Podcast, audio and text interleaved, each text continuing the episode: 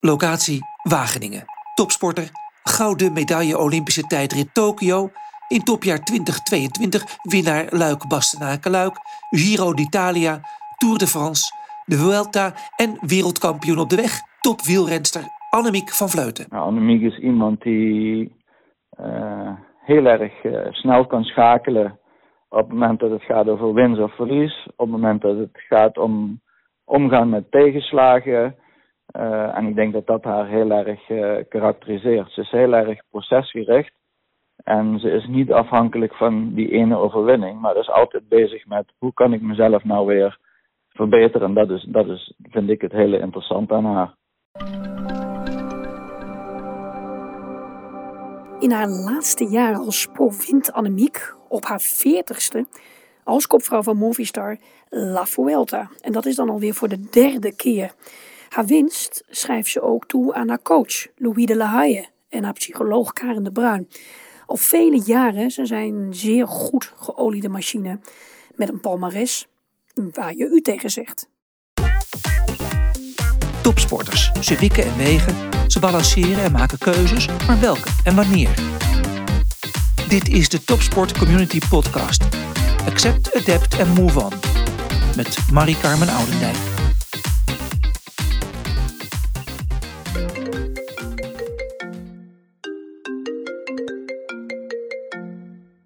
Ha Pieter. Hey Marie, hoi. Ja, Annemiek van Vleuten. En dan heel even tussen alle wedstrijden door thuis in Wageningen. Ja, dus, uh, we hebben natuurlijk in, in de, de podcast Accept, Adapt and Move On heel veel mooie verhalen gehoord. Er is mooie kennis gedeeld door de sporters en, en de coaches. Annemiek van Vleuten is eigenlijk bijna de personificatie van Accept, Adapt and Move On. Dus ik ben heel erg benieuwd naar haar verhaal. En ze zal een hoop te vertellen hebben, dus ik ga het kort houden. Laat het gewoon hierbij houden. We gaan gewoon meteen luisteren. Heerlijk. Oké, mooi. Ik, uh, ik kijk er naar uit, dus ik ga fijn luisteren. Succes, doei! Joe, doei Pieter. Hoi.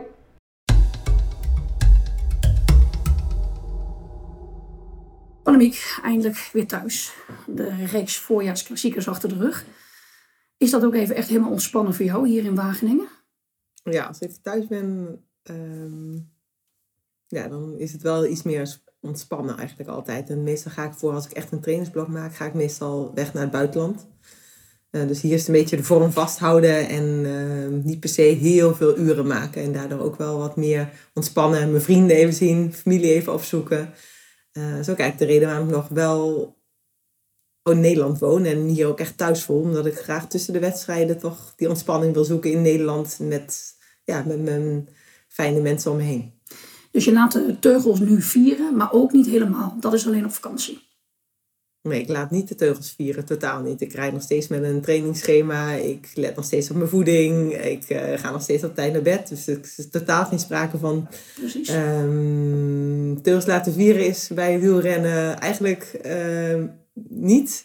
Maar zo drie weken per jaar hebben we vakantie zonder fiets. Uh, en dat is het enige moment. Dus 49 weken per jaar ben ik soort van getrouwd met de fiets. En wat het heftige maakt aan wielrennen is dat het wel echt 24 uur per dag is. En wij kunnen eigenlijk niet heel lang zonder die fiets. Uh, omdat je, mijn trainer zelf was, drie weken zonder fiets kost eigenlijk drie maanden weer om op hetzelfde niveau te komen. Uh, wat dat betreft ben ik wel eens jaloers op voetballers die gewoon, ja, wil ze doen de schoenen weer aan. En uh, als ze twee, drie maanden, ja, dan moeten we wel weer even wat conditie opbouwen. Maar dat komt niet. En even gevoel waarschijnlijk met de bal en wat techniek uh, weer fine-tunen. Maar dat is toch veel sneller terug weer dan, uh, ja, dan wat bij wielrennen is. En nu zit ik even te denken dat ik las uh, dat als jij op vakantie gaat, begrijp ik, dat is tussen Sumier, dat je er dan wel van houdt om uh, niks te plannen. Is dat juist ook een tegenhanger van uh, waar je eigenlijk nu altijd in zit? Ja, heel erg, denk ik. het is, ik ben heel planmatig in mijn sport en ook heel doelgericht. En maak ook altijd een plan daar naartoe. En um, ik zou niet zeggen een controlfreak, dat zeker niet. Maar ik maak wel, ben wel heel planmatig en heel doelgericht. En dan op vakantie vind ik het eigenlijk heerlijk om gewoon alleen maar de vlucht te boeken. En eigenlijk bij wijze van spreken nog niet te weten waar ik... Uh, ik heb vaak nog geen hotel geboekt voor de eerste avond. Maakt me ook niet uit. En mijn vriend moet daar nog een beetje aan wennen. Ehm, maar ik probeer het zeg maar een beetje gematigd in te voeren. dus we boeken nu wel het eerste hotel voor de eerste Ja. nacht. Maar door hem ook een beetje te laten zien dat je ehm, eigenlijk veel meer dingen eigenlijk meemaakt als je het niet zo vastlegt van tevoren. Je gaat wel een keer met go with the flow. Mooi, bijzonder om te horen. Wat ik trouwens ook bijzonder vind, is dat we zijn natuurlijk in Wageningen, eh, dat jij hier niet ver van waar we nu zitten in je eigen huis eh, gestudeerd hebt. Je studentenhuis eh, is daar. Ja. Dat is ook een opmerkelijk verhaal. Want jij hebt gewoon volledige studie gedaan en bent daarna pas professioneel gaan wielrennen. Ja, ik kan het iedereen aanraden Ja. als het mogelijk is. Maar het is heel vaak voor heel veel sport eigenlijk niet mogelijk om op wat latere leeftijd te beginnen. Bij wielrennen wel als je... ehm, ja, wordt ook wel steeds moeilijker, want onze sport wordt steeds professioneler. Toen ik instapte in het wielrennen was het echt nog een beetje een amateursport voor vrouwen. Nu is het echt een professionele sport geworden. Ehm, waarmee het niveau ook veel erg is gestegen. Is het dus ook moeilijker om later in te stromen. Maar ik heb eigenlijk wel dus dat geluk gehad dat ik eh, van, ik heb vijf jaar in Wageningen gestudeerd en pas in mijn laatste jaar ben ik gaan fietsen. En dat heeft ervoor gezorgd dat ik vier jaar zorgeloos, zonder ehm, ja, de druk van fit zijn, moeten trainen. Ik heb gewoon 100% voor het studentenleven kunnen genieten. Ongelooflijk. Ja, en dat heb ik ook zeker gedaan. En ik heb hier echt een toptijd gehad. Dat is ook de reden waarom ik hier heel graag nog woon in Wageningen. Ehm, Omdat je je vrienden hier natuurlijk ook nog ziet. ja, ook wel in de buurt. Ehm, En ik ben nu ook wel echt wel thuis gaan voelen. En ja, het is ook wel, ja, ik heb echt een toptijd hier gehad. Wat, wat zijn de voordelen die jij daarvan hebt eh, na, in, in je professionele carrière, denk je? Nou, op de eerste plaats had ik nog niet vanaf jongs af aan al aan wielrennen doen. Dus, dat, dus dat, daar ligt mijn piek ook wat later, op latere leeftijd. Daarom heb ik vorig jaar nog mijn beste jaar ooit gehad. Omdat ik latere leeftijd ben begonnen. En wat er ook voor zorgt dat je elk jaar nog wel stappen zet. Terwijl als je dat al veel jonger begint, zal dat moeilijker zijn. Op een gegeven moment kom je wat meer al eerder op dat afvlakkende curve waar je niet meer vooruit gaat. Bovendien houdt het je mentaal ook wat frisser. Eh, soms zie ik ook wel eens bij andere ploeggenoten dat ze dan toch wel een beetje het knaagt dat ze het st- stappen niet kunnen doen of eh, niet even lekker los kunnen gaan. Nou ja, ik denk dan terug aan mijn studententijd en denk, ja, die tijd heb ik al wel in de pocket. Ik mis dat nu niet, zeg maar. Ehm, en daarbij ook gewoon de ontwikkeling die ik door heb gemaakt als student. Eh, de vrijheid die je dan ervaart. In de zin van met z'n vijf in een studentenhuis wonen. Daar heb ik echt mijn beste tijd ooit gehad. En dat zijn nog steeds hele goede vrienden die ik daar, eh, waar, mijn huisgenoten waar ik toen mee woonde. Je- Je zegt het met zo'n flair bijna dat je, dat je bijna zou zeggen als je volgend jaar klaar bent met je actieve wielrencarrière, als je dan zou moeten kiezen, studenten, studententijd of eh, je actieve carrière, zou je bijna nog twijfelen. Ja, zou ik echt gaan twijfelen. Ja. Oké. Ik heb echt een toptijd gehad. Ja. En ook gewoon de ontwikkeling daar als persoon. Dat je gewoon op eigen benen staat. En ehm, ja, met z'n vijven ehm, wonen daar in het huis. Ja, ja, ja, die ontwikkeling, denk ik, die, die je daar persoonlijk doormaakt. Maar in de studententijd is voor mij wel heel essentieel geweest. Wie, wie- wie zijn voor jou eh, op dit moment eh, eigenlijk de belangrijkste personen om je heen? Mijn vriend, eh, Ja. Oscar, is een, een Spaanse jongen die al eh, een, eh, zeven jaar in Nederland woont. Mijn beste vriendin, die ik al ken vanaf eh, drie jaar oud, Kim. Zij is, is gaan studeren in Groningen en is daar nog gebleven. Maar dat is wel de eerste die ik, als ik ergens mee zit, eh, die ik altijd kan bellen. Mijn moeder is een belangrijk persoon. Mijn vader is helaas overleden in 2008. Maar daardoor is mijn band met mijn moeder denk ik wel sterker geworden. Dat je wel realiseert van, nou ja, het is wel heel, heel, heel tof dat mijn moeder er nog steeds wel is. In plaats van te benadrukken dat ik mijn vader niet meer heb, is het wel niet meer vanzelfsprekend dat mijn moeder er nog is. Maar daardoor, ja, dan vind ik het al heel bijzonder dat ik nog heel veel mooie momenten ook van mijn carrière met haar heb mogen delen. Ehm, en sowieso, sowieso is het gewoon een tof mens met heel veel energie, waar ik Ja. eh, ook wel een beetje een voorbeeld voor me. Ehm, ja, ik denk dat dat wel eh, belangrijke personen zijn. Ik had ook hier mijn buren zijn, die is helaas weg, maar wel, ze wonen nog steeds in Wageningen, zijn hele goede vrienden van mij geworden. Dan Tine en Marcel, ik noem ze maar even bij de Ja, naam. Ik noem ze nog steeds Ja. de buren. Ja, nou terecht al. Ja, dat is dan ook heel dicht eh, bij huis. En zeker ook ehm, eerder toen ik nog geen relatie eh, had, was het ook wel gewoon heel fijn dat je ja, toch ook even op de zondagavond op de bank daar neer kon ploffen na een wedstrijd. Om even te, ja, even te ontspannen met, met mensen, fijne mensen om je heen. En als ik dan van de stap van uh, meer de privékring dan meer naar uh, professionele carrière. Uh, nou, uiteraard je trainer die al heel lang bij is. Maar wie, wie, is dat team van vertrouwelingen?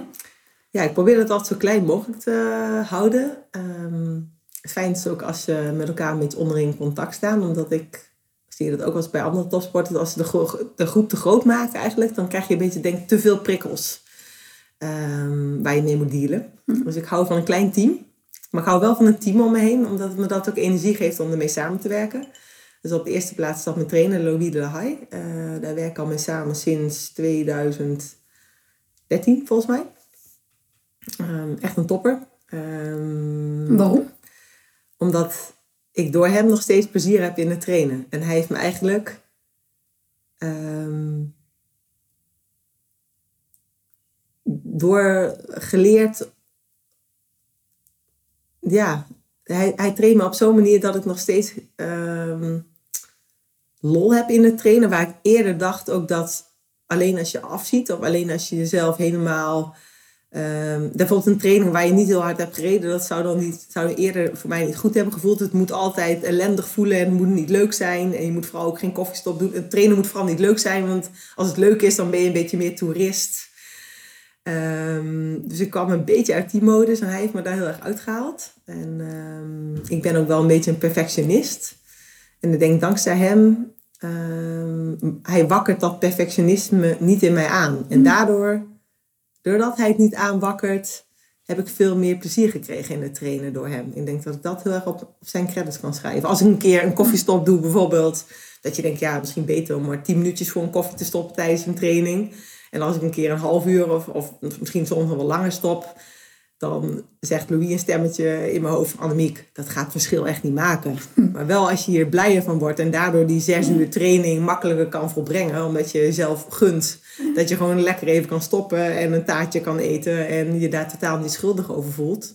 Jullie zijn eigenlijk perfecte balans. Ja, ja. Want eigenlijk als ik een trainer zou hebben die eigenlijk wel zegt, ja, probeer de volgende keer, ja mooi, oké dat je zo hebt gestopt, maar probeer de volgende keer toch wat korter te stoppen. En uh, ja, misschien toch niet dat taartje te eten bijvoorbeeld. Dan eet ik dat taartje met een schuldgevoel. En ook, dan zit je met een heel hoge cortisol levels al, uh, zit je daar op de koffiestop, die dan net even wat te lang duurt. En hij, uh, ja, hij leert me echt een beetje van, ja, dat gaat het verschil niet maken. En is het ook zo dat jullie, eh, dat, dat, jullie ook wel sparren met elkaar? Dus als hij iets zegt, dat jij ook wel zegt van nou wacht even, ik denk het niet. En dat je daar... Ja. Wat heel mooi is denk ik aan onze samenwerking is dat ik eigenlijk zelf echt eigenaar ben van het plan. Mhm. Natuurlijk ook in overleg met mijn team uh, maak ik dat plan. Maar ik heb zelf wel een beetje een hoe ik dat jaar dan, hoe ik mijn doelen wil gaan bereiken. En, maar ik vind het dan wel heel leuk om met, bij hem dat even mee te sparen. Wat hij er dan van denkt. Want daardoor krijg ik ook weer veel meer zin om dat plan uit te gaan voeren. Als hij ook zegt, ja, ik denk dat het een goed idee is. Of hij fine-tuned het een beetje. En ik vind het ook heel interessant om um, zijn ideeën te horen. Waar we stellen ook al samen doelen op. Um, of ik stel mijn doelen op en, en overleggen dan hoe ik die kan gaan bereiken. Ik vind het ook heel leuk om met hem te sparren en te kijken van hoe zouden we die zouden we er nog een schepje bovenop kunnen doen? Of waar zouden toch nog wat verbeterpunten liggen? En om dat plan samen met hem te maken, dat uh, geeft me meer energie. Wat is eigenlijk het mooiste moment? Ja, je kunt eigenlijk alleen voor jezelf spreken, maar wat, is het, wat denk je het mooiste moment dat jullie samen uh, in jullie eigenlijk gezamenlijke carrière bereikt hebben? Ik denk dat dat mijn wereldtitel was in 2019, waar ik een 105 kilometer lange solo een wereldkampioen werd. Ik zag het parcours, dat was 160 kilometer of zo. En dan uh, al heel vroeg in de koers zat er één hele steile klim van 4 kilometer. En daarna was het niet meer zo lastig. Dus ik dacht wel, ja, ik zei tegen Louis, bel me op. Uh, ik zeg, nou, er zit een hele steile klim in. Dat is perfect. Hij zei, oh mooi. En uh, ja, een aanval gehad. Ik zeg, ja, één nadeel. Daarnaast nog 105 kilometer tot de finish.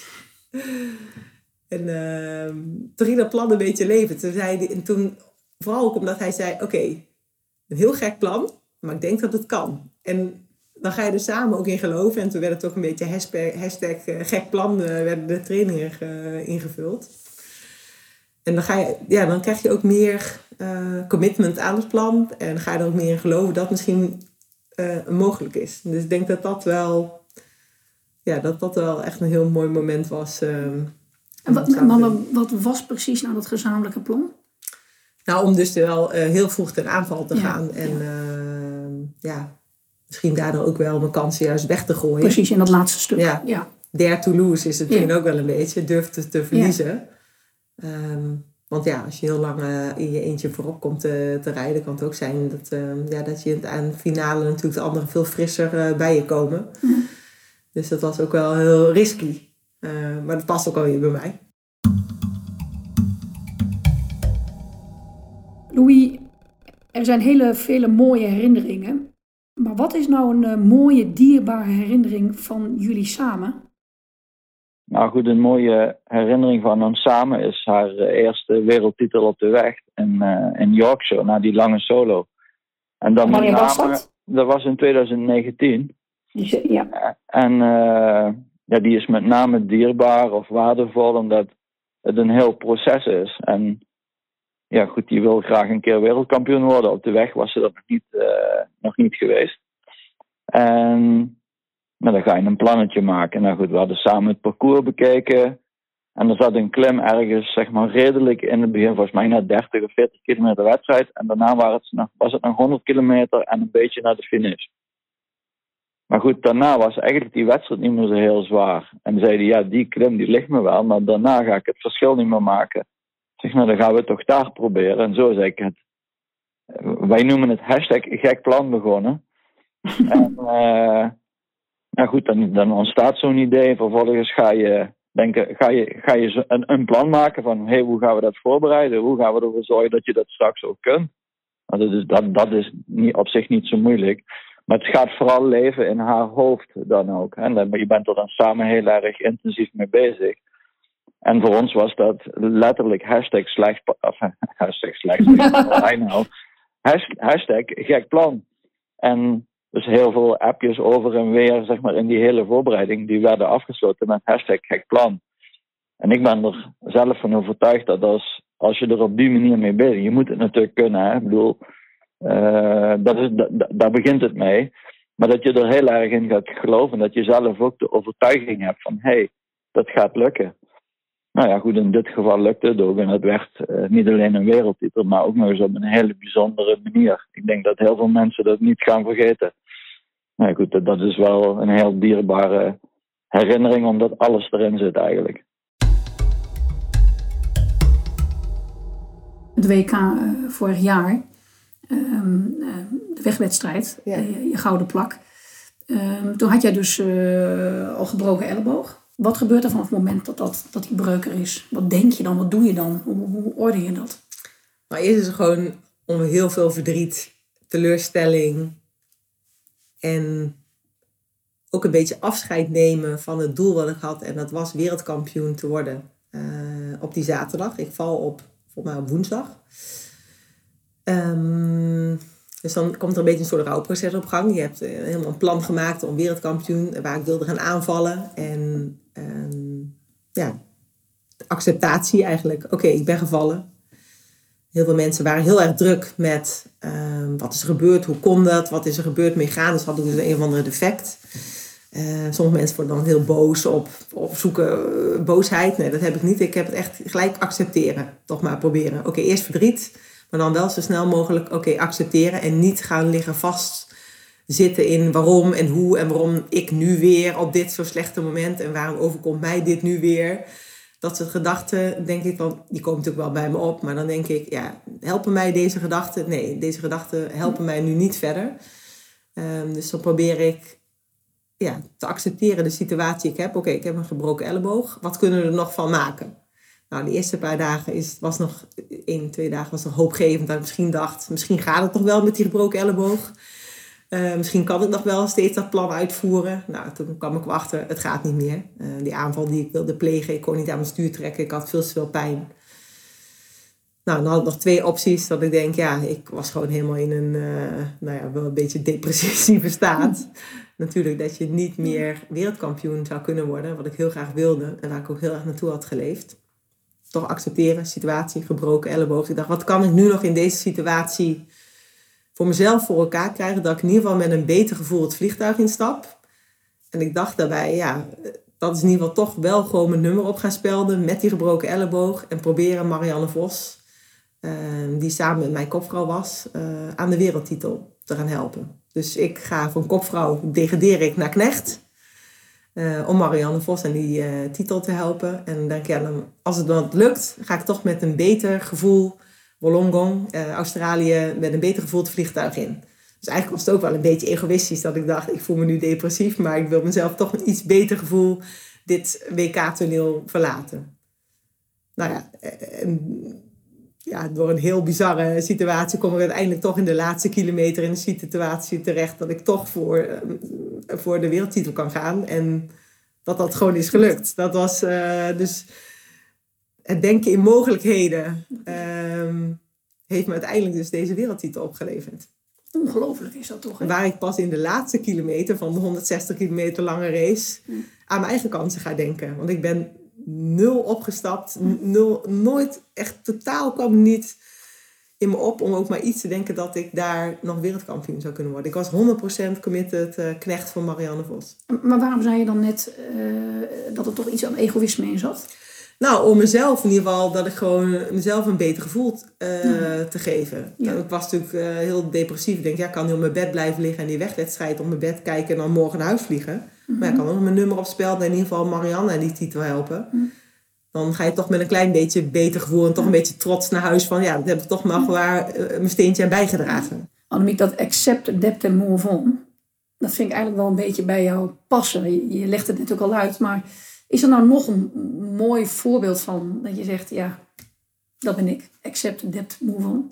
Ja, dat is de titel van deze podcast. En die is voor mij Ja. heel aansprekend eigenlijk. Ehm, ik, eh, ik heb laatst nog een presentatie in Colombia voor mensen gegeven... waar ik die ook deze titel inderdaad heb gebruikt. Omdat ik hem, als ik terugkijk naar mijn carrière... zo eh, op mijn lijf eigenlijk geschreven is. En ook heel op die manier ook mensen eigenlijk wil inspireren... om tegenslagen die je tegen, eh, in het leven tegenkomt... om, om daar ehm, op die manier mee om te gaan. En dat mensen niet blijven hangen in boosheid... maar het om kunnen draaien naar iets positiefs. Eh, maar inderdaad, nog een voorbeeld dat eh, heel recent was in de Tour de France. Ik had daar helemaal aan toegeleefd. eh alles voor gedaan, alles voor gelaten. Ik stond er in topconditie aan de start in de, aan de Champs-Élysées. Die eerste etappe was een sprintetappe. En s'avonds word ik ziek. En de volgende dag kan ik nog niet aan mijn bed komen of nog niet mijn koffer eigenlijk inpakken zelf. Omdat ik eh, ja, buikgriep heb gekregen. Ik kan niks eten, kon s'avonds al niet meer eten, drinken, kon alleen maar naar het toilet. En dan staat er een waaieretappe op programma en je ziet je hele Tour de France dromen eigenlijk in duigen vallen. Ja, dan kan je ook daar ook weer heel eh, boos over worden. Nou, ik was trouwens ook helemaal niet de energie om überhaupt nog boos te worden. maar goed, als ik dat gewild had ik het ook niet moeten doen, Nee. want het helpt niet. Ehm, ja, toen begon ook weer echt de, eh, ja, de oefening van er het beste van maken, accepteren. Ehm, aanpassen. Ja, wat is het beste wat ik nog kan doen, is zo min mogelijk tijd verliezen dan in ieder geval deze eerste proberen dagen. En het ook kort te houden, van dag per dag te bekijken. En nog niet te denken aan die laatste dagen die heel zwaar gingen worden in de, in de bergen. Maar in ieder geval eerst eh, per dag en de tijd te, te verliezen. En dan kwam ook het teamwork weer heel gaaf eh, eigenlijk van pas. Ehm, die dag waaide er heel erg. Nou, ik zeg, maak de grap dat mijn neus heeft geen wind gevoeld die dag. Omdat ik zo goed uit de wind werd gehouden. Ja. En ik verloor nog steeds tijd, maar wel heel veel tijd eh, verlies in ieder geval weten te beperken dankzij mijn team. En daardoor werd ook weer de teamprestatie van het winnen in de Tour de France veel gaver. Omdat ik, het werd nog veel meer een teamprestatie dan het anders al geweest zou zijn om de Tour de France te winnen. We hadden echt het gevoel, toen we er samen stonden op het podium, eh, dat we dat echt samen hadden gedaan. En ik keek ook echt naar een ploeg ik had het echt niet kunnen winnen zonder mijn team. Eh, maar dat was ook wel echt eh, accepteren van de situatie toen ik zo ziek was. En het beste van proberen te maken. Ja, en ja, move on. Ja, zo een prachtig, zodat je daar doorheen, doen, doorheen komt. Accept, adapt move on. En dan wereldkampioen wordt. Maar daar heb je natuurlijk wel meer hulp bij, denk ik. Om dit soort grote hoogtes te bereiken. Of kun je dat alleen af? Ik ben al vrij vroeg in mijn carrière eh, met een sportpsycholoog gaan werken. En Karen de Bruin. Hoe oud was je toen? Nou, ik denk dat ik in 2010 of zo wel bij mezelf vooral negatieve gedachten in de wedstrijden me er zelf echt op betrapte waar ik echt in kon blijven hangen. Wat heel grappig is dat veel mensen dan aan mij vragen uh, uh, door welke issue ging je met een sportpsycholoog werken. En dat ik gewoon zei nee, geen issue, maar um, ik wil alles optimaliseren. Mijn training wil ik optimaliseren. Voor de voeding optimaliseer ik met behulp van een voedingsdeskundige. Dus het mentale stuk wil ik ook optimaliseren met een mental coach. Niet omdat ik een probleem had per se. Het was niet dat ik helemaal gebukt ging onder die negatieve gedachten. Maar ik dacht, dit kan beter. En uh, toen ben ik eigenlijk uh, in contact met haar gekomen. En het geeft me ook heel veel energie, omdat ik het heel leuk vind. Of leuk, het is um, leuk om dat ook jezelf daarin beter te leren kennen. En het wordt ook iets meer daardoor. Dus ook die 105 kilometer plan bij, was er ook bij betrokken. Ja.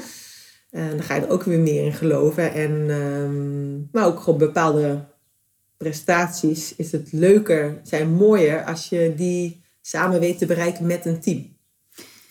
Dat is, bij mij klinkt het best wel logisch, uh, uh, dit, dit verhaal zoals je nu zegt. Maar dat is nog helemaal niet zo heel logisch hè, in, in de sportwereld. Nee, ik vind het echt een heel on... Alleen omdat mij het wel wordt gevraagd van... Oh, je gaat naar aanleiding van welk probleem... Ja, wat is er met je mis? Ja. ja. En ik denk in het begin van mijn carrière... heeft zij mij dus een aantal technieken uh, aangeleerd. Ja door ook eerst gewoon een standaard uh, sportpsychologie protocol en, en uh, vaardigheden aan te leren. En later werd het gewoon meer dat ik, uh, dat ik al even met haar kan sparren over allerlei dingen. Ik bedoel, als ik nu tegen andere dingen aanloop, gewoon in het leven, kan ik dat ook even met haar bespreken. Dus dat is sowieso fijn. Um, en nu heb ik gewoon, zeg ik altijd, weet je, ja, voor elke probleem, of probleem ergens waar ik tegenaan loop, blessure, nou dan kan ik even een laadje omgaan met blessures open. En die technieken ja. um, gebruik je dan weer. Dus dan hoef ik, ja, die heb ik nu gewoon allemaal klaar liggen. En die heb je ook een beetje in je carrière gefine-tuned. Ja, want nog heel zelf even, ontwikkeld. Ja, ja, want nog heel even terug naar die, die, die als je begint, die basisregels, uh, zeg maar. Ja. Kun je dat iets meer toelichten? Ja, voor mij zijn het vijf uh, onderwerpen die je dan meestal aandoet met, uh, met voor mij is dat bij de standaard in de sportpsychologie. Doelen stellen, negatieve gedachtencontrole, focus houden. en zo zijn er nog twee die ik even kwijt ben, maar dat waren wel de drie waar ik het meest aan heb gehad. Um, en um, ik probeer ook altijd echt jonge atleten of jonge ploeggenoten aan te moedigen om al met een sportpsycholoog te gaan werken. Omdat ik weet hoe waardevol het is als je daar als jonge atleet mee begint. Omdat je de gegaande carrière kan je die, ja, kan je die lessen eigenlijk meenemen en fine-tunen. En daar steeds beter in worden. En uh, eerst kost dat wat meer moeite. En dan moet je misschien wat dingen voor op papier zetten. En gaandeweg in je carrière merk je dat je ja, eigenlijk in je hoofd of in de wedstrijden dat al gewoon makkelijker vanzelf gaat. Ja, want ik kan me voorstellen, je, nu in jullie team uh, bij Movistar, hebben, ja. hebben, zijn daar echt ook psychologen aanwezig? Of is, heb jij nog steeds een privé-psycholoog, zeg maar? Ja, we hebben wel een sportpsycholoog in de ploeg waar je eventueel contact mee zou kunnen zoeken. Maar ik vind het voor een sportpsycholoog of voor een mentalcoach vind ik het iets misschien sterker als je zelf daarin zoekt die bij je past. Omdat het zo persoonlijk is en ook heel belangrijk dat je daar een klik mee hebt. En dan hebben we ook nog het culturele verschil. Want onze sportpsycholoog is waarschijnlijk Spaans. Dus ja, dat is wel, ook alweer een extra drempel. Ja, klein uh, hindernisje. Ja, maar ik vind het wel goed dat het aangeboden ja. wordt in de ploeg. En dat het, uh, het zou meer onderdeel moeten zijn, denk ik. En vooral bij jongere atleten. En... Daar is echt nog een tekort aan. Ja. Daar zou je ja, echt sterk voor kunnen maken. Ja.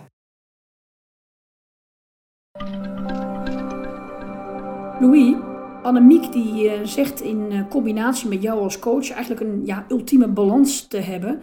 Maar dat ook haar psycholoog, Karin de Bruin, daarbij hoort. Hoe, hoe zie jij dat? Hoe is dat voor jou? Nou goed, ik ben, ik ben het daar absoluut mee eens. Als je kijkt naar carrières van, van sporters, dan investeren ze vaak heel veel in, nou goed, in training. iedereen moet een, een trainer hebben. Uh, er wordt heel veel geïnvesteerd in uh, materiaal. Uh, vaak komt er dan nog iemand bij die verstand van voeding heeft. Maar juist het mentale aspect, waar ik ook van overtuigd ben dat je daar uiteindelijk het echte verschil maakt, wordt dat een beetje genegeerd. En ik als trainer, coach, zie daar ook eigenlijk de grootste uitdaging. Dus ik vind, ben er zelf een heel grote voorstander van. Als je dan een team om je creëert om er ook een eh, sportpsycholoog of sportpsycholoog bij te nemen. En daarmee te gaan werken. kun jij er een voorbeeld van geven hoe jullie uh, dan uh, met z'n drieën samenwerken?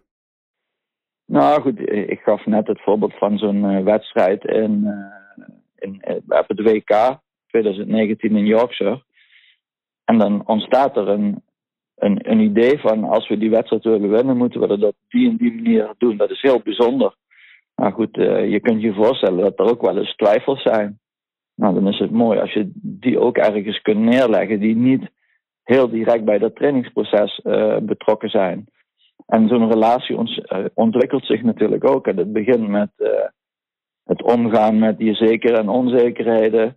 Maar uiteindelijk wordt dat ook een vertrouwensrelatie, waarbij je eigenlijk alles wat er zo speelt, met name rondom die sport, niet direct bij het alledaagse trainen, uh, die je ook daar neer kunt leggen. Huh? Nou goed, iemand die voor jou, of jou kan helpen uitzoomen op alles wat er eigenlijk in je leven gebeurt, behalve topsport, dan ben je natuurlijk gewoon mens. En dan is dit eigenlijk ook een, uh, laten we zeggen, die wereldtitel op de weg, maar meer, maar om daar even op te richten, is eigenlijk ook een heel mooi succes van jullie drie samenwerken. Ja, absoluut. absoluut. Maar ik, denk gewoon alles wat uh, Annemiek uh, bereikt, uh, speelt iedereen een rol. En voor hem natuurlijk Annemiek de belangrijkste rol, wat zij moeten doen. Maar al die facetten die erbij komen kijken om topsporter te zijn, en met name wereldtopsporter te zijn, die heeft zij heel goed op orde.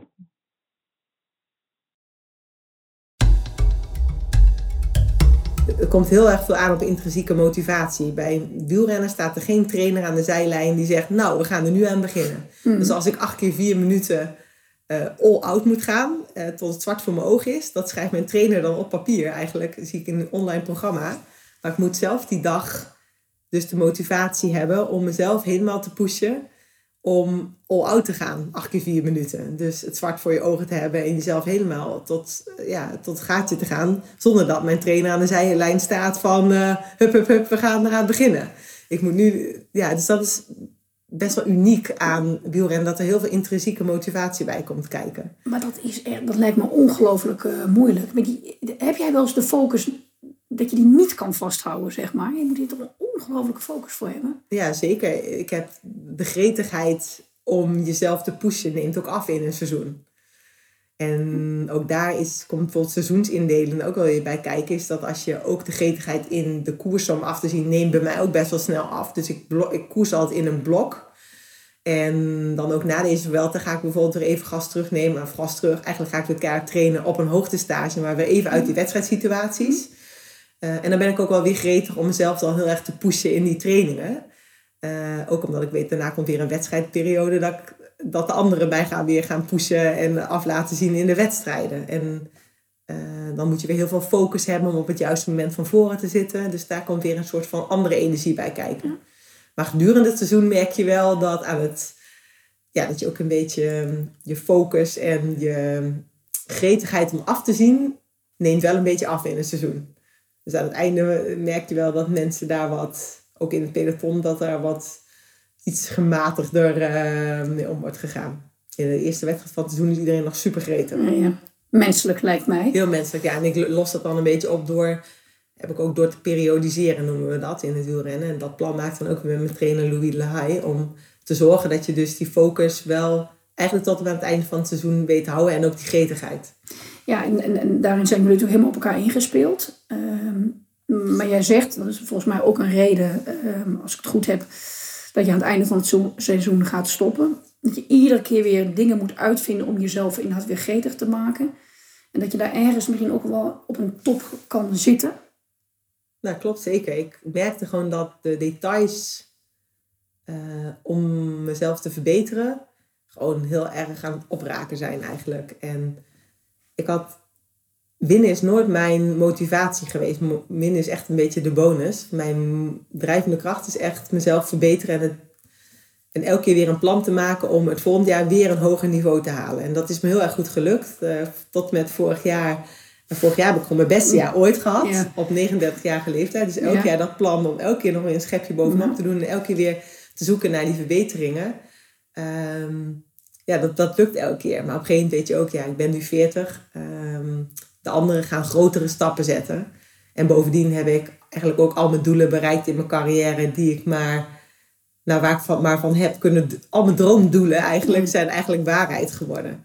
Eh, vorig jaar met het winnen van de Tour de France, twee keer wereldkampioen, of eigenlijk vier keer in totaal. Ehm Olympisch kampioen.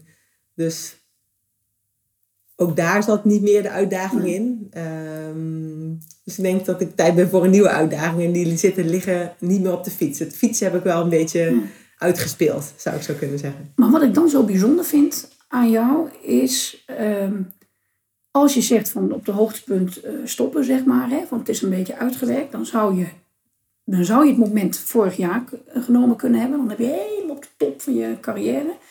Maar jij kiest dan om dit jaar er nog bij te doen. Ook volgens mij voor het team. Om daar nog een bonding, een binding met je teamgenoten vast te houden. Klopt dat? Nou, het eerste punt klopt het niet dat ik op mijn hoogtepunt wil stoppen. Dat maken andere mensen ervan. Ja. Ehm, dat is... Nou ja, eigenlijk dat- wil ik dat ook zeggen. Ja, dat eigenlijk ja. wil ik dat nu weer leggen. Ja, dat, Maar- eh, ja, klopt. Ja, Ja. nee, dat, is, dat hebben andere mensen om me heen maken dat ervan. Dat ik op mijn hoogtepunt moet op. Ik denk, nee, nee ik, de meeste motivatie had- dat ik had was, ik reed twee, jaar- twee jaar bij Movistar vorig jaar. Ja. Dat ik gewoon het gevoel had dat mijn missie daar nog niet voltooid was. Vaak is het eerste jaar, wil je elkaar een beetje leren kennen. Is het investeren in de relaties die je hebt. Tweede jaar ga je oogsten. Nou, dat was het afgelopen jaar. Ja. We hebben echt goed geoogst met mijn ploeg Nou, hè. enorm. Ehm, en ik merkte ook gewoon dat ik ja, nog heel leuk vond, ook met mijn jongere ploeggenoten, om, om hun nog wat ehm, ja, mee te nemen en wat, wat ehm, ja, ehm, mee te geven van de dingen en de fouten ook die ik heb gemaakt in het verleden. En hun te behoeden misschien ook een beetje voor de fouten die ik allemaal heb gemaakt in mijn carrière. En daardoor iets dat zij sneller, sneller de top zouden kunnen bereiken. Met meer plezier, dat Ja. is ook belangrijk. Eh, dat altijd eh, in oogschouw nemen. En als, je nou, als ik nou heb, je gaf al wat aan, hè, maar even nog die punten die jij graag zou willen meegeven. Eh, dat is bijvoorbeeld een sportpsycholoog op eh, jongere leeftijd er al bij betrekken. Ja, Ehm, wat zou je er nog meer zelf aan toevoegen? plezier is de basis. Dat is, ja, En je weet inmiddels, heb je net uitgelegd hoe je dat zou kunnen doen met een trainer. Maar je hebt daar zelf natuurlijk eh, input op. ja, ik probeer ook wel echt een rolmodel te zijn door niet de perfecte anemiek eh, Ja. uit te hangen, maar ook laten zien dat ja, ik ook niet perfect ben en dat ik ook fouten maak en dat ik af en toe ook te laat naar bed ga en af en toe ook eh, misschien eh, niet altijd op mijn juiste gewicht ben op elk moment. Ook als een, een taartje lekker neem. Dus daar wil ik ook wel een Ja. rolmodel zijn naar hun toe. Maar, ook, maar wel het ergste inderdaad, inderdaad uitdragen, het meest uitdragen, plezier. Is echt de basis waarom ik het nog steeds zo leuk vind. Ehm, vorig jaar eh, reed ik ook met mijn hele ploeg eh, de Giro. En we hadden toen tien dagen daartussen naar de Tour de France toe. Dat heb ik ook tegen al mijn ploeggenoten gezegd. ehm, ga je niet tussenliggende dagen, hou je agenda leeg. Maar ga vooral ergens heen of bij mensen zijn waar je, waar je blij van wordt. Waar je je kan opladen. En dat wil ik ze zo meegeven. En ik wil ze niet forceren dat ze dachten... ik moet nu op mijn bovenop mijn berg gaan zitten. Wat ik bijvoorbeeld deed. Want ik laat me daar wel van op. Mijn trainer kwam er ook bij langs. En Tom Dumoulin kwam ook nog langs. Dat was Ja. hartstikke leuk. Ehm, dus voor mij was dat een manier om me Ja. op te laden. Maar ik wilde niet opleggen bij dat, dat iedereen dat moet gaan doen. Ik zeg, als je naar je vriend wil in eh, Bretagne, ga dat alsjeblieft doen. Als je daar, ehm, eh, ja, je moet je batterij weer opladen naar zo'n Giro en daardoor weer helemaal fris aan zo'n Tour de France staan. Zou jij, eh, als je toch een beetje eh, verder vooruit kijkt, de, stip op de horizon, eh, zou jij daar als ambassadeur of met jouw legacy een, een, rol in kunnen gaan spelen? Of ga je dat misschien ook wel doen? Ja, ik denk dat daar wel, ja, maar, daar voor de kinderen, maar überhaupt